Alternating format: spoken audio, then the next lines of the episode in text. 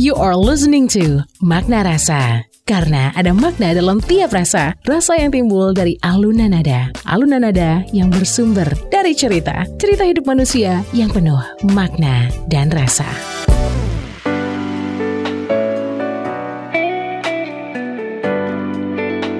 Dari Bumi Karang Putih Darung Padang 103.4 Klasi FM This is the actual radio. Assalamualaikum warahmatullahi wabarakatuh Klasi people. It's so good to be back on Makna Rasa. Masih bareng saya Anda Hayani. And of course I am not alone. Ada two gentlemen yang sudah menemani saya. Di sebelah kanan saya ada Pak Ampri Satiawan Assalamualaikum Pak. Waalaikumsalam warahmatullahi wabarakatuh. Dan di sebelah kiri saya ada Dani Yudiska. Hai Dan. Apa kabar? Kabar baik, selamat pagi Yeay. Anda, selamat pagi Pak Amri. Selamat pagi juga Anda.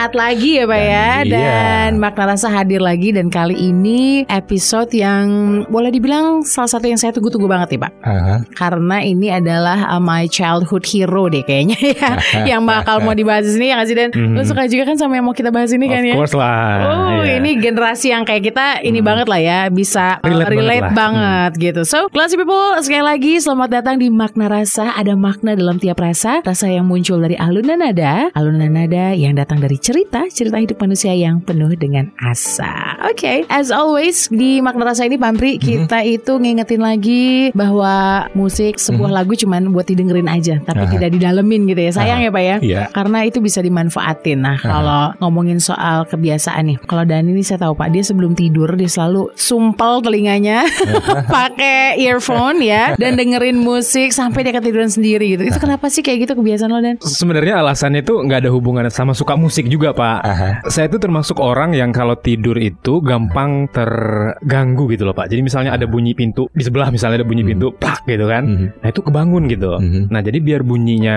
lebih aman lah gitu ya. Jadi mending didengerin musik kan. Jadi Oh, kita lebih gitu. fokus ke situ dan nggak kedengeran juga yang apa yang lain-lain. Oke, gitu, Pak. berarti Gitu. gue ganti pertanyaan deh. Iya, Eh, pertanyaannya adalah musik itu atau lagu ya, itu maknanya kayak gimana buat lo Dan? Hmm. Is it only just about you know feeling the gap, you know feeling feeling your spare time atau more than that? Musik itu semacam amunisi energi apa ya? Aha. Amunisi Oke. energi gitu atau Aha. mungkin semacam uh, reminder lagi bahwa satu lagu itu punya story yang berbeda-beda di masa-masa yang berbeda gitu kan. Ada lagu A itu storynya mungkin di tahun 94, lagu B mungkin storynya di tahun 2000, 2007 masuk ke Klesi. Saya ingat ada satu lagu kemudian saya dengerin di tahun 2023 ke remind balik lagi tuh ke masa itu jadi kayak gitulah kira-kira kurang What do you think Pak Ampri? Kalau what about you lah lebih tepatnya. Musik itu cuma sekedar feeling the gap aja atau what does it mean to you? Musik itu menjadi tools utama bagi saya karena memang dalam pemahaman saya bahwa setir yang membuat atau memutuskan saya melakukan sesuatu itu adalah yang kita kenal mungkin istilahnya dengan mood. Ah ya. mhm. Nah, mood ini kadang-kadang dia tidak pernah konstan. Dia kadang-kadang naik, kadang-kadang Iya. turun dan Mhm. seterusnya. Itu memang cerita metabolisme tubuh di situ. Dan kita kadang-kadang tidak sadar kapan kita sedang lelah dan sebagainya. Mhm. Di mana posisi musik di sini? Posisi musik di sini adalah dia mampu membantu mood kita untuk back as usual. Ya. Paling enggak near to atau dek menjadi kembali normal gitu ya walaupun tidak sepenuhnya. Ah, kenapa? Karena di dalam musik itu ada bunyi-bunyian yang secara direct menggugah mood kita entah itu kembali rileks atau menjadi kembali semangat. Nah, Hmm. sehingga bagi saya musik sangat berperan penting bagi saya dalam membuat saya untuk selalu Balance. in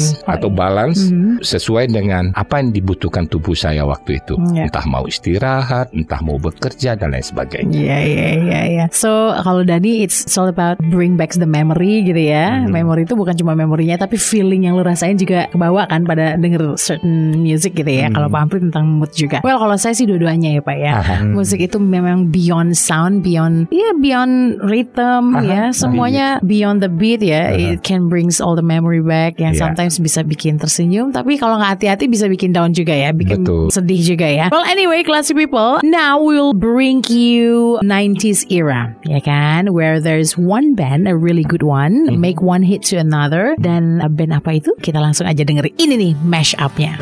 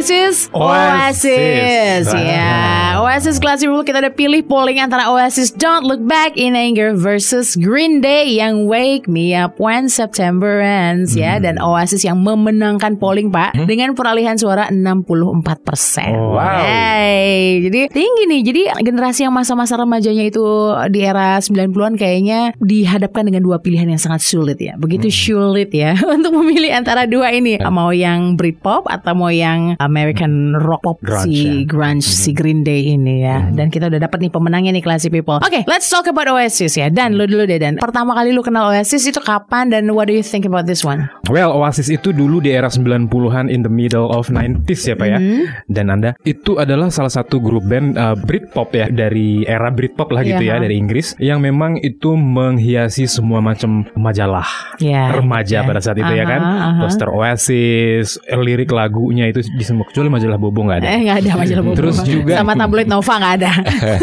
Kartini juga nggak ada. Femina Nah, juga. Terus era MTV pada saat itu kan memang Yes. lagi dapat spotlight Yeah, banget. Nah, yeah. mereka itu memang merajai MTV at the moment gitu Iya, ya. Channel V juga. Channel V Aha. yes, Channel V yang ada dua tanda ininya kan Iya, pinggir-pinggirnya. tanda Jadi memang semua remaja pada saat itu of course sangat notice dengan Oasis ini. Apalagi Iya, kan iya. tipe lagu Oasis dan tren Britpop pada saat itu adalah pada bagian chorusnya itu memang sangat easy ya Pak ya. Aha. Easy Yes. listening, uh, easy to remember the lyric gitu kan. Iya. Jadi semua orang tuh udah hafal. Ngehook banget ya dia. Ngehook banget liriknya Hey Sally can't wait gitu-gitu kan So, Sally Iya. can't wait. Hmm, Jadi memang Iya. ciri khas uh, Britpop pada era itu adalah menyajikan musik yang lebih seger lah Mhm. Iya kan itu jaraknya beberapa tahun kalau menurut saya dari era grunge yang sudah mulai turun ya kan Iya, grunge iya. Karena waktu itu kan si Kurt Cobain. Nirvana, Kurt Nirvana. Cobain meninggal, terus juga Soundgarden juga sudah mulai cuti sementara ya. gitu kan. Nah, Hmm. sementara ada musisi-musisi lain kayak lupa sih nama bandnya apa gitu ya. Mereka memang sangat menghindari publisitas, Pak. Nah, Hmm. kebetulan si Oasis ini termasuk musisi yang gemar publisitas gitu ya. Yes. Mereka nggak keberatan tampil di Annie Magazine. Iya. Iya,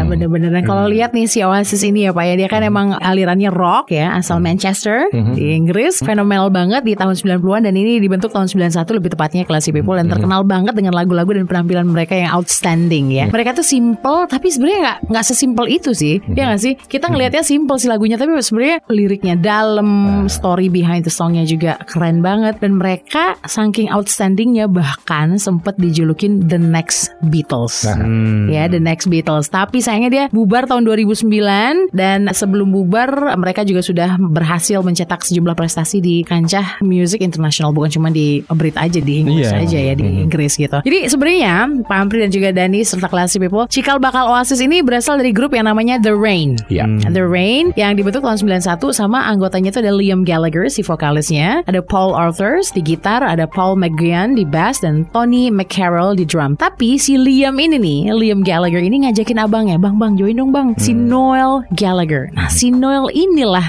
kalau kita lihat ke Indonesia tuh kayak ke Ahmad Dhani Ahmad Dhanian gitu. Dia genius, pintar tapi sengak gimana sih? Want to rule the world. Iya, ya kan? want to rules the world ya. Jadi si Liam ngajak abangnya, eh lu join dong bang ke band gue. Oke, gue mau. Tapi satu syaratnya, gue harus jadi pemimpin band band itu dan semua harus nurut apa kata gue. Gue. Dan gilanya mereka setuju gitu ngerti gak Ya, sih? karena emang dia jenius. ya Karena kan? emang dia keren Worth it lah. banget Dan si Liam si adeknya ini tahu Bahwa abangnya begitu Makanya oke whatever you said lah We'll do it gitu Dan bener kan Memang mungkin vokalisnya Yang sering tampil kan si Liam ya Namanya vokalis gitu ya Tapi sebenarnya otak di belakang Oasis sih si Noel ini nih Tunggu, berarti dia itu belum begitu si Noel masuk dia belum berubah nama ya dari The belum Rain belum ke belum ya? belum nah si Noel ini nih Mhm. yang rubah The Rain udah ganti namanya jadi Oasis gitu Hmm. nah setelah ganti nama Oasis ini rajin nih dia tampil di klub-klub kecil di Inggris pak. Dan itu mulai tuh mulai dia dikenal lah ya. Hmm. dan dia nyetak rekor album debut pertamanya tahun 93 ya. Hmm. jadi ada Alan McGee dia ini pemilik studio rekaman. Hmm. dia denger demonya Oasis dan impress banget sama demonya si Oasis ini. Jadi Alan McGee itu terus ngajakin Oasis gabung dong join uh, di studio gue dan gue bakal bantu lo untuk wujudin album pertama lo katanya kayak gitu. Dan album pertamanya Oasis itu judulnya Definitely Maybe tahun 94 dirilis dan dapat respon yang luar biasa banget dari masyarakat jadi album ini langsung dudukin peringkat pertama UK album chart UK ya. UK album chart dan berkat dua lagu di dalamnya yang Supersonic and Live Forever, si Definitely Maybe ini jadi album debut dengan penjualan tercepat dalam sejarah musik Inggris. Oke, tapi di titik itu Alright. mereka belum menginvasi Belum, dunia ya. Belum, belum. Dia masih Amerika. mulai manggung di panggung-panggung yang lebih besar. Kalau kemarin kan di klub-klub kecil, sekarang manggungnya di panggung-panggung besar. Kemudian dua pentolnya si Liam sama Noel Gallagher yang abang ade ini nih, adek kakak ini sering diundang di acara televisi dan foto mereka banyak menghiasi yaitu majalah-majalah. Jadi emang banci tampil si Noel ini. Jadi ya karena dia sengak sombong gimana gitu, tapi emang jenius sih. Kayak gitu. Dan dia mulai masuk Amerika tuh satu tahun setelah mereka merilis ya 94 rilis album pertama 95 dia baru menginvasi Amerika dan Live Forever single mereka yang di Live Forever ini bahkan sampai sekarang masih sering di cover cover sama banyak band-band ya dan dia juga tour di Amerika dan gak butuh waktu lama eh, si Definitely Maybe ini jadi hits di MTV and Radio Music Rock di Amerika. Jadi di tengah-tengah promosi di Amerika Oasis ini sempat ngalamin pergantian personel juga. Tony McCarroll yang di drummer digantiin sama Alan White. Tapi meskipun kayak gitu di tahun 95 Oasis tetap bisa ngerilis album kedua yang judul What's the Story? Morning, Morning Glory. Glory. Nah ini. Ini juga ngeraup keuntungan besar di Inggris. 96 dudukin peringkat kedua di jajaran album terlaris sepanjang masa. Di Inggris aduh ini amazing banget ya astonishing banget ya masih di tahun yang sama juga tuh Gallagher bersaudara ini makin sering diliput sama media dan membuat hubungan mereka jadi semakin runyam dan mengganggu kegiatan bermusik Oasis Hmm, mulai ada bentrok-bentrok nih Pak ya. Emang Dia kayak gitu kan. Pak ya Mhm. Kalau lagi di puncak-puncak itu Gangguannya ada aja ya Menjaga kesulitan itu sering kita bahas kan Pak ya Ya, karena musisi ini dia mempunyai habit yang Hmm. unik. Jadi makanya grup-grup band yang terkenal itu hampir seluruhnya mengalami hal yang sama. Cekcok, Mhm. perkelahian, perbedaan pendapat, dan akhirnya bubar. Kenapa? Karena ketalentaan mereka membuat mereka itu berperilaku unik yang kemudian friksinya cukup besar di antara mereka. Terutama di grup Oasis ini Hmm. gitu. Ya memang kan tadi Anda sudah cerita kan bahwa memang si Noel itu Mhm. dia akan mengajukan syarat-syarat itu bahwa ya kayak Ahmad Dhani dengan Dewa 19 ya. Iya Kita harus disiplin, no drug, no cigarette dan segala macamnya Hmm. gitu. Namun kan nggak bisa kayak gitu gitu ya. Adiknya si William ini Si Liam hmm. dia kan anak bungsu. Dia orang memang urakan sekali dan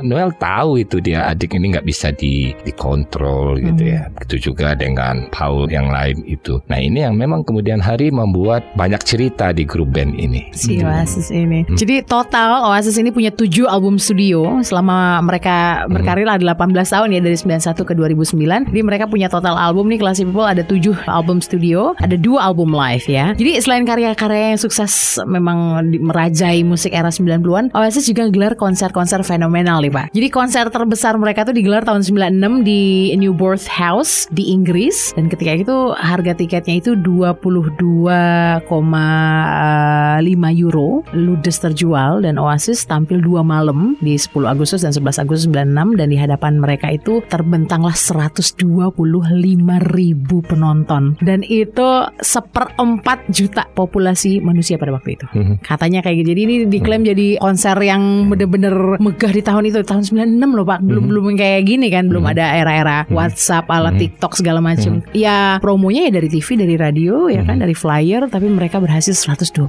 wow Uh, Nah, ternyata memang ada perseteruan nih Pak ya di Iya. di momen ini. Iya. Yang memang perseteruan ini sudah sejak mereka kecil ya. Iyalah. Ternyata eh, ternyata berubah menjadi sibling. persaingan ambisi dan ego. Iya. Itu di antara dua musisi hebat ini. Nah, pada tahun 1995 di tengah tur Amerika, Liam ini memukul kepala Noel dengan tamborin miliknya yang menyebabkan Noel ini of course lah marah ya dan turun panggung sebelum pertunjukannya bahkan usai gitu ya. Dan masih di tahun yang sama sebuah single berjudul Wobbling uh, Reverie dirilis atas nama Oasis yang berisi rekaman wawancara John Harris dengan Liam dan juga Noel. Namun wawancara tersebut justru ramai karena adu mulut antara Liam dan Noel yang membicarakan salah satu insiden mereka dengan pihak berwajib. Iya, jadi kebayang gak sih kayak gue hostnya Pak Ampri adalah Noel, lu adalah Liam, Liam. gitu Gue wawancara, eh di tengah wawancara malah ribut di berdua nih Jadi kayak gitu kan Iya. Dan mereka ribut itu nggak berhenti di momen-momen mereka populer, Pak. Bahkan even sampai saat ini mereka masih Yes, sindir-sindiran di medsos. Betul banget di Twitter tweet war ya Allah bener-bener. Nah di tahun 2000 nih Classy People si Noel ini kabur lagi nih di tengah-tengah tur dunianya Oasis. Jadi kayak eh, enak dia aja gitu ya kesannya ya. Jadi diduga ini disebabin ucapan si Liam yang mempertanyakan status anak perempuannya Noel tuh kan suka personal banget ya. Nah di media Noel tuh bilang dia nggak bakal memaafkan Liam sampai kapan pun dan tahun-tahun berikutnya Oasis masih ngerilis album juga sih dan tur-tur masih juga di tengah hubungan mereka yang panas ini. Tapi Liam sama Noel juga tetap terus bergantian menyerang satu sama lain gitu ya di wawancara. Di any occasion kayak mereka tuh baca kak taruh gitu ya kalau istilahnya kita ya. Dan puncaknya itu di 2009 Noel ini mutusin keluar dari band dan selang beberapa waktu Oasis juga bubar lah. Siapa lagi sih Noelnya udah nggak ada? Ya ibarat Ahmad Dhani keluar dari Dewa, Dewa yang nggak ada lagi ya kan. Betul, ya. Kayak gitu ya Dan ya. Dan mereka berkarir sendiri-sendiri. Liam itu eh, berkarir dengan band barunya namanya BDI yang aktif sampai 2014 tapi akhirnya bubar lagi. Tapi Noel ini jalanin proyek musiknya bareng sama Noel Gallagher's High Flying Birds. Sementara si Liam milih bersolo karir dan sampai kini dua-duanya masih sering bertengkar dan saling sindir sama kayak Dani. Mhm. Ada kasus si Liam ngomong, ayo dong gabung dong. Mhm. gue mau reuni nih. Kalau ada yang bayar kita 100 juta euro gimana lu mau nggak? Gue nggak akan pernah mau lagi gabung sama lo titik dia bilang kayak gitu bener nih semua kesempatan dia bener-bener udah nggak mau lagi lu kira keputusan gue keluar dari Oasis itu adalah keputusan enteng enggak Hmm. I pour all my life in that band Aha. dan when I decided to get out itu bukan keputusan yang mudah dan kalau gue udah mutusin keluar ya berarti gue keluar. Kayak gitu sih intinya seru ya Banget dan disayangkan sebenarnya disayangkan ya. Karena Noel adalah satu warisan lah ya. Warisan Iya. dari sejarah musik Inggris yang merubah bahwa Britpop itu bisa merajai budaya Amerika ya Pak ya. Aha. Dan mereka they made it lah gitu. Aha. Kalau Bapak lihat nih Oasis ini influence-nya by siapa aja sih Pak musik-musiknya? Kan Bapak dengerin nih. Hmm. Bapak tuh langsung teringat siapa kalau dengerin musik si Oasis ini? Pertama adalah langsung teringat Beatles. Langsung ya. Beatles itu dia dia menghadirkan komposisi yang seperti sudah kita bahas sebelumnya legenda dan long lasting. Karena tidak ada band lain yang mampu menghadirkan genre sejenius Beatles. Yang adalah band-band yang hanya bisa mengekor The Beatles. Kenapa? Karena Beatles dia menjadi panutan bagi bangsa Inggris menjadi negara yang dikenal di dunia melalui musik di tahun 60-an kebanggaan-kebanggaan itu agak meredup ketika Beatles sudah tidak ada dan di tahun 90-an mereka rindu kembali akan masa-masa seperti Beatles jaya di tahun 60 sampai tahun 70-an. Jadi inilah yang sangat menginfluence sebuah grup Oasis yang bisa saya tangkap dari komposisi musik yang dia hasilkan. Oke, The Beatles ya ini obvious banget sih emang ya, kedengeran banget karena memang si Noel sama Liam ini emang big fan of John Lennon. Liam terutama, Liam sangat-sangat menyukai John Lennon. Ini udah panjang kita ngobrol, nanti kita akan lanjut lagi Pak di Iya. sesi kedua. Saya pengen tanya banyak sama Pak Ampri ya, Iya. banyak banget tentu saja tentang Don't Look Back in Anger. So class people, terutama untuk yang era-era Oasis lagi berjaya dan teman-teman juga lagi berjaya. Ini jangan ke mana-mana, tetap di makna, Makna rasa. Serasa. Makna rasa. Ada makna dalam tiap rasa.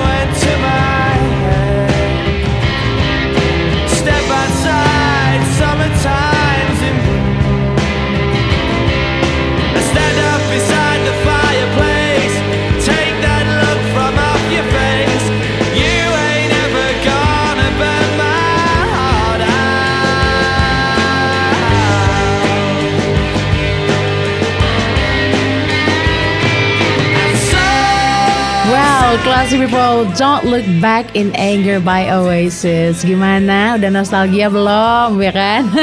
Asik banget ya. Lagu yang gampang diinget Ingat gitu ya, dan langsung sing nancep. along ya. Hmm, Kita tuh butuh kayaknya waktu nggak butuh waktu lama dan saat si Liam udah bilang so Sally can't wait udah langsung sing along bareng-bareng. Oke, kita langsung ke masternya ya Dan ya. Pak, tadi eh, di off air kita bilang seluruh lagu Beatles ya itu sudah ada di kepalanya Noel sama si Liam. Nah, Dan mereka ini bisa si Noel ya terutama ya. Bapak tadi bilang dia bisa kayak ngejahit lagi ya. Menjahit ulang. Ngejahit ulang. So ya. silakan please explore Pak. Iya. Jadi memang kita sadar tidak sadar apa pun yang kita sangat kuasai itu akan menjadi attitude kita karena dia akan mempengaruhi back mind kita Mhm. termasuk musik. Nah, inilah yang mempengaruhi William Gallagher dengan Noel Gallagher dalam menghasilkan karya-karyanya. Jadi tadi malam itu saya dengar seluruh lagunya uh, Oasis ini dan kebetulan saya juga penikmat Beatles di masa lalu. Apa yang saya tangkap? Oasis ini adalah grup band yang komposisi musiknya menjahit ulang seluruh karya-karya The Beatles. Seluruhnya. Misalnya seperti di lagu ini sekarang ini Don't look back in anger. download back ini ya. Saya melihat dari intronya saja yang sudah menggunakan riff piano ini saya langsung ingat lagu Imagine-nya John Lennon. Hmm. Ya, dan kemudian ketika dia menggunakan cara ketukan drum dan referennya ketika Sally Mhm. tadi itu wait. ya. saya jadi ingat lagu Lucy in the Sky with Diamond. Kemudian saya juga saya lihat di sini ada juga cukup menginspirasi lagu Here Comes the Sun. Here comes the sun. Oh Nah, ya, gitu ya.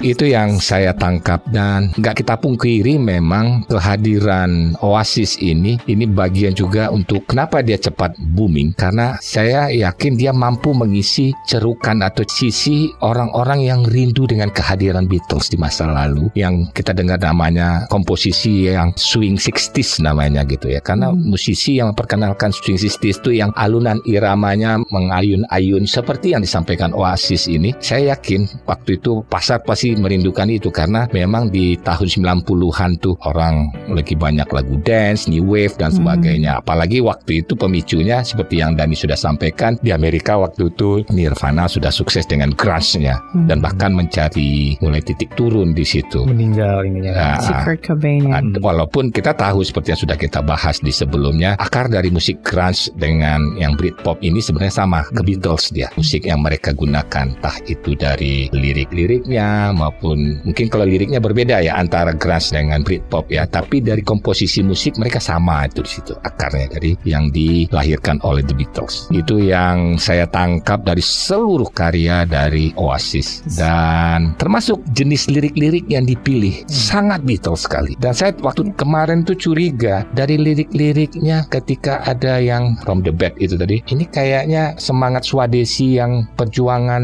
tanpa apa itu. Revolution from my bed. Ah, Iya itu. Oh kan? ya, Saya start a jadi- revolution from my bed. Iya. Ya mau memulai Perubahan. revolusi tapi dari tempat tidurnya gitu. itu kayak kayak yang tagline yang dicanangkan oleh John Lennon waktu itu Hmm. gitu ya. Nah, yang kalau di India siapa namanya itu Mahatma Gandhi ya. Iya iya Nah, iya. Jadi saya pikir itu seperti itu kira-kira Anda. Iya iya iya. Hmm. Jadi bener Pak. Salah satu the biggest influence-nya Oasis emang The Beatles ya. Emang obvious banget kalau misalnya kita dalamin lagi detail about The Beatles influence on Oasis ini. Ada The Beatles classic album Revolver. Mhm. Ya, is one of Noel Gallagher's favorite albums. Jadi Hmm. eh, di sisi lain ya si itu kan Noel si Liam, Liam itu such a fan of John Lennon banget. Mhm. Bahkan dia namain anaknya Mhm. itu John Lennon. Aha. Iya, seriously ya ya. Fun ya, Pak ya? Bener saking saking ngefansnya dan Oasis ini sudah juga ngecover Beatles live ya lagu-lagunya The Beatles yang live yang versi live-nya konser mereka di studio. Jadi mereka ngecover lagunya Beatles di bener-bener di studio rekaman gitu dan. Hmm. Jadi saking mereka big fans banget ya.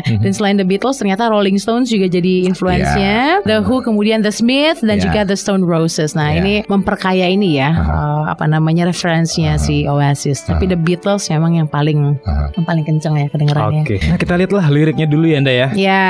Dari Don't Look Back in Anger. Ya, jadi ternyata dari liriknya kita bisa lihat ya Pak ya. Ternyata si Noel kan yang nulis nih Noel ya. Noel Noel. Gallagher ini ya. So Noel tuh bilang this is definitely a song about defiance atau pembangkangan Pak. Mhm. Jadi ternyata Sally kan ada Sally nama perempuan nih. Sally ini adalah seorang perempuan yang dia temui di strip club. Jadi Jadi dia ngelihat sosok perempuan ini yang dia mengakui bahwa Sally Cinnamon itu Hmm. adalah sosok perempuan yang ngerubah hidup gue kalau kata si Hmm. Noel karena dari dari si Sally ini dia dapat inspirasi nulis Don't Look Back in Anger dan Hmm. itu kan turn the tables kan bener-bener yang rubah semua ya kan si Oasis jadi big banget. Sally ini adalah perempuan yang dia temuin dan dia ngelihat figurnya adalah seorang perempuan yang dia tidak menyesali tentang masa lalunya. Mhm. Jadi ini tentang pembangkangan di mana siapa pun lo, Mhm. lu nggak usah menyesali masa lalu lo. Mhm. Lu harusnya kayak menatap ke depan menatap ke depan dan Mhm. justru kalau nggak ada masa lalu lu yang kayak gitu, lu nggak jadi lu yang sekarang gitu loh. betul Jadi makanya di situ pembangkangannya tentang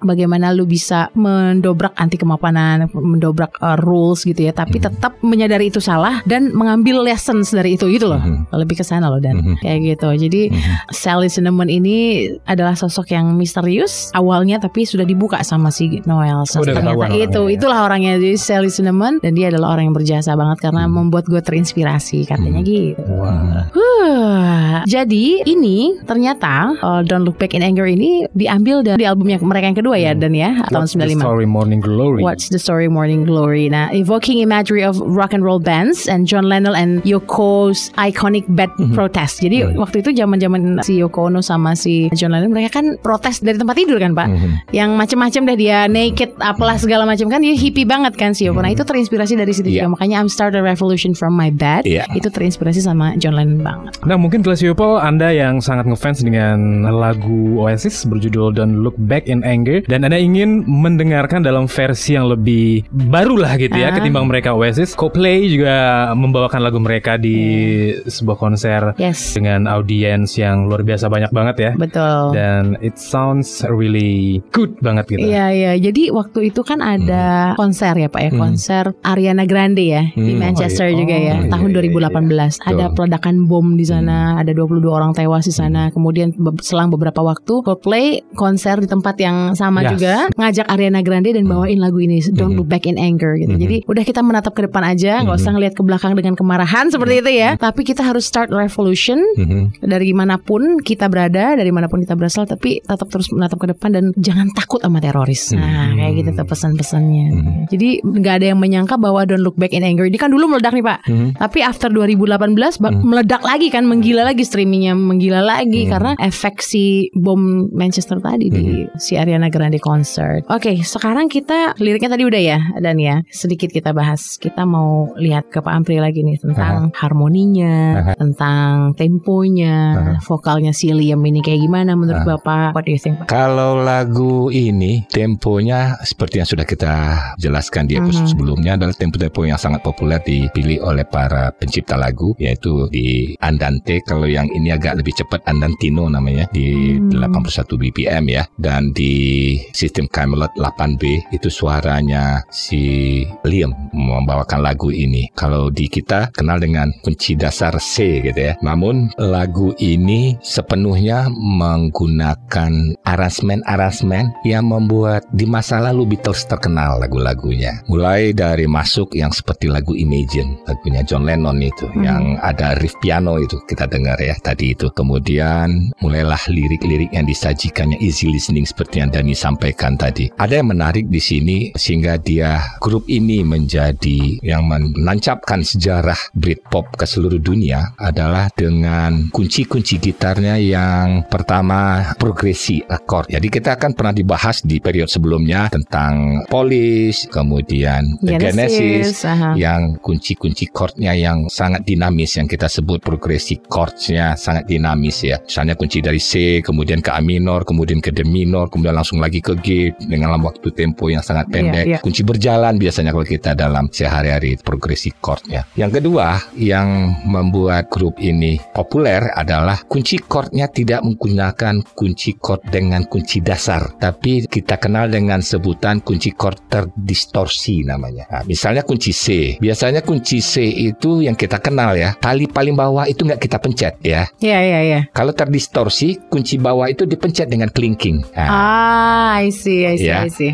Aha. Nah, atau juga di tali keduanya yang seharusnya Lagi? dia menutup fungsi jempol yang paling di tali kedua dengan kelingking yang meme- hanya memegang di tali keduanya di atas yang paling bawah tadi. Iya. Jadi ada seperti gantung suaranya nanti. Jadi itu yang disebut kunci C terdistorsi. Dia tidak seperti kunci C dasar dia. Seluruh kunci-kunci yang digunakan oleh Oasis ini di seluruh lagunya adalah kunci-kunci gitar ter atau kunci-kunci yang terdistorsi namanya. Ditambah dengan dinamisnya uh, progresi akord yang dia mainkan tadi. Jadi ini mungkin sebuah improvement supaya komposisi musik yang disampaikan oleh Beatles di masa lalu mereka improve dengan dua hal tadi. Nah ini yang membuat nada-nada yang disajikan dalam komposisi musik yang tanda kutip agak Beatles minded dipoles dengan komposisi musik yang sudah diramu dengan yang saya sampaikan sebelumnya itu. Hmm. Nah ini dia yang membuat easy listening, mendayu-dayu, lirik mudah diingat dan membangkitkan kenangan orang-orang terhadap ada musik di masa lalu yang sangat berkesan yaitu Beatles. Beatles. Ini yang saya tangkap dari lagu ini. Don't look back in anger. Kalau Back ini. in Anger ini. Mungkin anak-anak di era 90-an yang mendengarkan pada saat momennya itu lagi berlangsung ya Pak ya. Mungkin nggak semuanya paham bahwa oh ini The Beatles main Main it it, ya kan. iya. Kita mungkin mencerna itu sebagai sesuatu yang Baru aja baru gitu. aja gitu. Pada waktu mereka. itu ya, lu ngerti. Sekarang udah Iya. dapat refreshing nih ya. Iya, tapi begitu penikmat musik seperti Pak Amri dan juga mungkin banyak Pak Amri Amri Aha. lainnya mendengarkan Oasis ya, this is the Beatles main it. Kan Iya. gitu ya Pak ya. Point of Iya. view-nya jadi beda kan Berbeda ya. ya kan, Ah, gitu. ah. Kalau melodinya gimana Pak? Terutama yang si gitarnya ini nih, si Iya. yang dimainin sama si Noel ini. Ya, saya mulailah dulu dengan drumnya. Oke drum. Drumnya kita kan sudah pernah bahas bahwa cara main Ringo Starr itu banyak sangat menginfluence drummer-drummer sesudahnya. Kemarin kita sudah bahas bagaimana uh, Phil Collins sangat terinspirasi dengan Ringo Starr. Begitu juga dengan Oasis ini. Jadi Noel itu dia mensyaratkan lagu-lagu yang dibawakan itu ketukannya harus Ringo Starr minded. Nah, makanya dalam perjalanannya sering drummer-drummer itu berganti karena kadangkala memang drummer itu kan punya ciri khas. Kalau mereka terlalu didikte agak semacam beban di situ. Mhm. Karena Noel maunya itu. Bahkan saya pernah dengar itu drummer terakhirnya itu dipecat karena nggak bisa mainin drum alanya Ringo Starr waktu itu. Karena eh, every drummer has their own authenticity sebenarnya ya Pak Iya. ya. Nah ini dari sisi drumnya. Kemudian dari sisi melodi gitar ritmenya ya. Ritm sudah kita bahas tadi. Dari sisi melodinya, saya melihat di situ ada slide up ya. Slide up itu yang tali yang dinaik-naikin setengah itu. Hmm. Yang menjadi ciri Beatles di masa lalu. Yang membuat para penikmat Beatles di masa lalu ketika mendengar komposisi musik di Oasis ini akan terbayar rindu mereka dengan Si Paul McCartney ya. Ah, si Paul McCartney yang sangat-sangat menyentuh memainkan melodi-melodi yang arpeggio dan slide up-nya yang tidak terlalu kencang tapi mampu sesuai dengan lirik-lirik yang disajikan pada waktu itu. Ini yang saya lihat Oasis sukses di situ. Oke.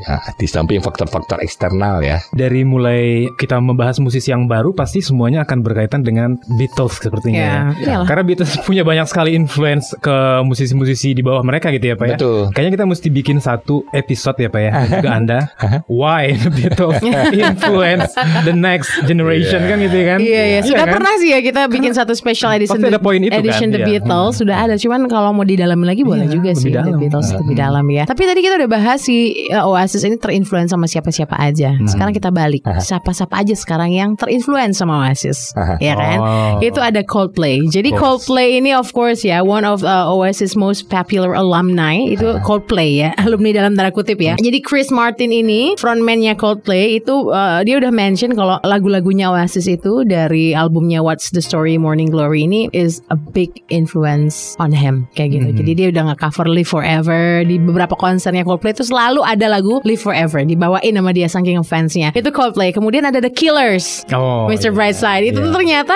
influence-nya juga sama si Oasis ini pak jadi Brandon Flowers ya namanya Hmm. ya jadi si singernya The Killers ini mutusin kalau dia bakal attending konsernya Oasis tahun 2002 di Hmm. Las Vegas pada waktu itu nah The Killers itu have covered the Britpop titans many times live and performing tracks such as Live Forever Wonderwall kemudian Hmm. lagu-lagunya yang lain jadi The Killers dan satu lagi nih ada Arctic Monkeys Oh. you know lah kan Arctic Hmm. Monkeys jadi dua-duanya nih ada drummer sama singernya Arctic Monkeys yaitu Matt Helder sama Alex Turner dia tampil untuk tribute to Oasis gitu-gitu kan Oh, Nah, iya, dan iya. ini juga sekaligus mengklaim bahwa uh, membuktikan bahwa memang mereka say thanks juga untuk Oasis yang sudah punya arti lah untuk Hmm. referensi-referensi mereka dalam berkarya Oke, gitu. secara musikalitas mungkin bener ya Coldplay and bla bla bla itu Ya, The terinfluence oleh uh, Arctic Monkeys, siapa Uh, Oasis, Oasis, gitu. mhm. Tapi gaya panggung si Oasis ini Pak itu kan agak unik ya Pak ya. Ya, agak unik gitu. Iya, iya, iya. Dia berdiri terus Kayak lempeng si- aja gitu ya. Enggak, justru nggak simetris dia berdirinya Uh-huh. tuh nggak lurus gitu. Badannya tuh bengkok mana gitu pak. Terus tangannya tuh ditarik ke belakang. Uh-huh. Terus mic-nya ini dinaikin lebih tinggi daripada badan dia. Iya, iya, eh ini iya. ini nih stand mic-nya ini. Nih. iya, iya. Stand mic itu lebih tinggi, tapi mic-nya diturunin gitu pak. Jadi dia kayak Jadi mendongak, mendongak gitu. gitu. ya. Nah, iya, mendongak gitu.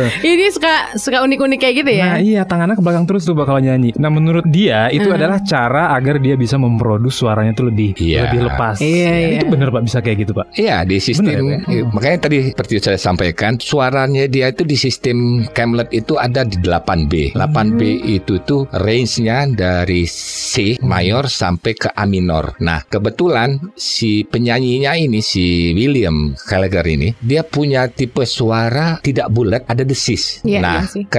Ketika desisnya ingin ditonjolkan sama dengan kita kalau mau teriak kan kita agak mendongak kepala kita ke atas. Power lebih keluar di sana. Mhm. Nah, di samping memang tadi seperti Anda sudah sampaikan, itu kan memang ciri-ciri band yang lain seperti The Who. Nah, Hmm. seperti itu. Banyak good band lain yang menginspirasi cara tampil di panggung Iya, dan iya. sebagainya. Mhm. Nah, itu makanya Dani bilang tadi kenapa mic-nya lebih tinggi dan lain sebagainya. Dan mereka berharap itu juga menjadi ciri eh, mereka di Iya. mata audiens penggemarnya. Lucu ya, ada-ada aja caranya ya. Nah, selain Don't Look Back in Anger, lu paling suka nih Oasis yang mana? Wonderwall. Wonderwall ya. Kalau gue tuh Champagne Supernova. Oh, Champagne Supernova. Champagne Supernova itu oh my god itu bener-bener uh keren banget nanti deh kita puterin ya Boleh, boleh. kita akan balik lagi Classy People stay on Makna rasa. Makna rasa ada makna dalam tiap rasa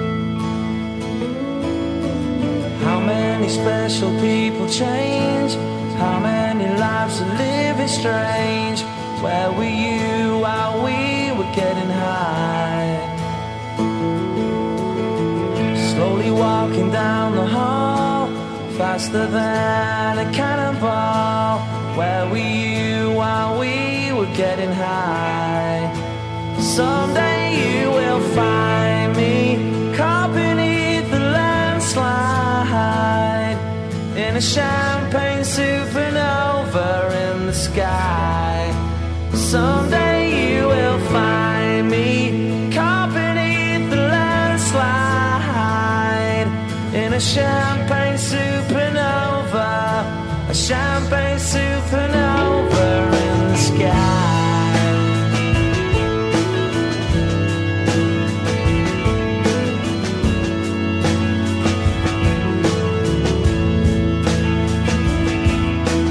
Wake up the dawn and ask why. Dream, a dream,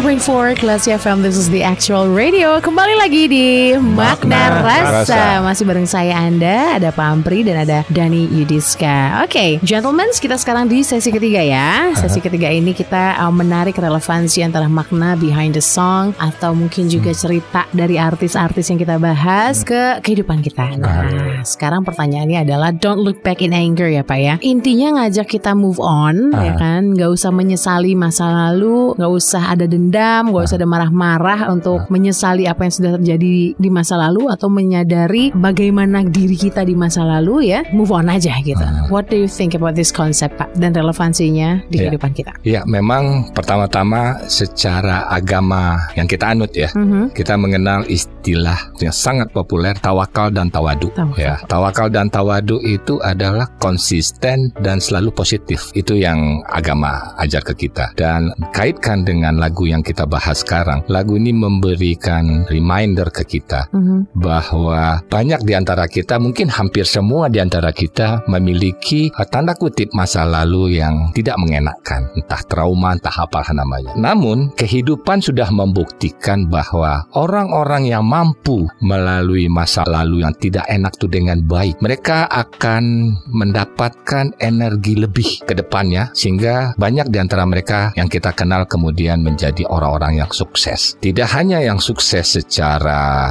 ekonomi, tapi secara keilmuan juga kita melihat bagaimana Thomas Alva Edison yang mencoba tiga lebih dari 3000 pengujian yang gagal sebelum dia menemukan apa yang kenal dengan lampu. Bagaimana dia dibully, diejek oleh para ilmuwan pada waktu itu. Kemudian dia maju tak gentar dan akhirnya kita akan mengenal Thomas Alva Edison. Begitu juga dengan kehidupan kita bahwa yang jelas kita harus tetap melangkah dalam hidup dan memberikan yang terbaik. Selalu memberikan yang terbaik secara konsisten seperti agama yang kita anut. Dan ini akan memberikan hal-hal yang baik bagi diri kita tidak hanya dalam pikiran kita menapaki hidup juga dengan lingkungan yang kita masuki dari waktu ke waktu. Sangat positif sekali lagu ini bahwa masa lalu biarkanlah masa lalu. Tapi masa lalu yang tidak baik itu coba konversikan menjadi sesuatu yang positif sehingga menjadi energi tambahan untuk kita menghasilkan yang lebih baik, lebih manfaat untuk orang banyak. Mungkin seperti itu.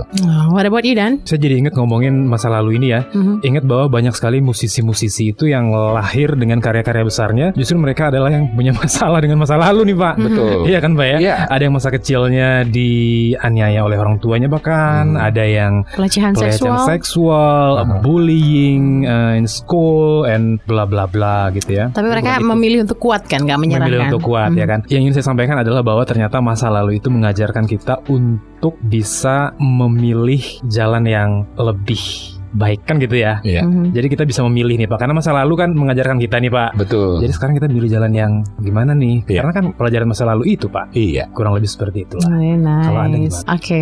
Don't look back in anger itu kalau kita looking back with anger itu capek, Iya. ya kan? Melelahkan. Melelahkan kan kalau look back with anger itu melelahkan, capek, wasting time, wasting energy dan gak ada gunanya gitu. Sementara kalau kita tilik lagi, kita itu harus tuh menghadapi atau dealing dengan apa pun yang terjadi di pada masa lalu in order to get to the other side, ya kan? Mhm.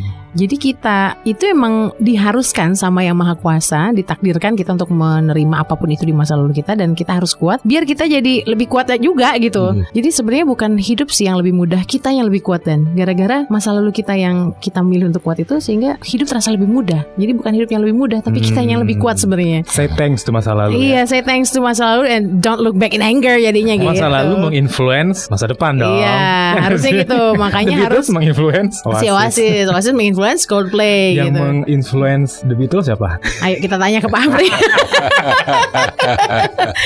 eh tapi kita udah pernah bahas ya Pak ya menginfluence The Beatles itu. Karena tapi gue lupa sih nanti dengerin aja deh Spotify-nya ya kelas Jelasin tapi off air Iya, dengerin aja Spotify-nya di, itu di episode ketiga kalau nggak salah ya Pak, tiga Betul. atau empat itu The Iya, Beatles betul. itu lengkap di semuanya. Oke, eh, langsung aja ya next week kita mau ngomongin apa? Siapa? Saya punya kejutan buat Pak Ampri. Ah, kita udah kejutan? dapet eh, masukan. Aduh dong, ini dong, Yang dalam. eh, yang dalam negeri dong kurang banget nih makna rasa bahas dalam negeri. Eh enggak juga. Kita Sebenarnya udah pernah sih. Dewa, Yura. Krisya, Yura Ya. Yunita ya kan. Dan besok saya memutuskan. Cie, saya memutuskan ini nggak demokratis banget ya nggak ada polling. Tapi saya yakin deh pilihan saya eh, disetujui oleh banyak classy people, terutama yang dengerin makna rasa, Aha. fansnya makna rasa atau pendengar loyalnya makna rasa. We are going to talk about the one and only God bless. Yes Oh, Aha, what do you think Pak?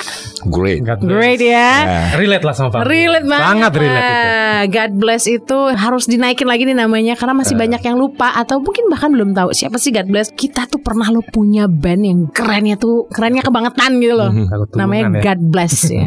uh, oke Pak. Oke. Oke banget lah itu. Dan pada masanya Mhm. musisi Indonesia nggak minder di mata internasional dan bahkan grup ini mendapat eh, tempat tersendiri di musisi dunia Uh, pada ya, waktu itu. Seperti apa mungkin akan kita bahas. Next itu week. clue-cluenya dari Pak Amri bahwa musisi edisi ini mendapat atensi dunia kan gitu ya Pak. Iya. Apa iya. itu next Ah. week? Next week. So, classy people, pastikan next week Anda dengerin kita akan bakal bahas God bless. Dan sekarang saya Anda Hayani. Saya Ampri Satiawan. Saya Dani Yudiska. Kita bertiga pamit. Assalamualaikum warahmatullahi wabarakatuh. And then See you.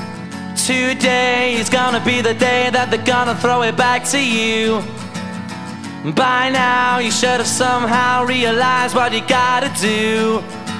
I don't believe that anybody feels the way I do about you now.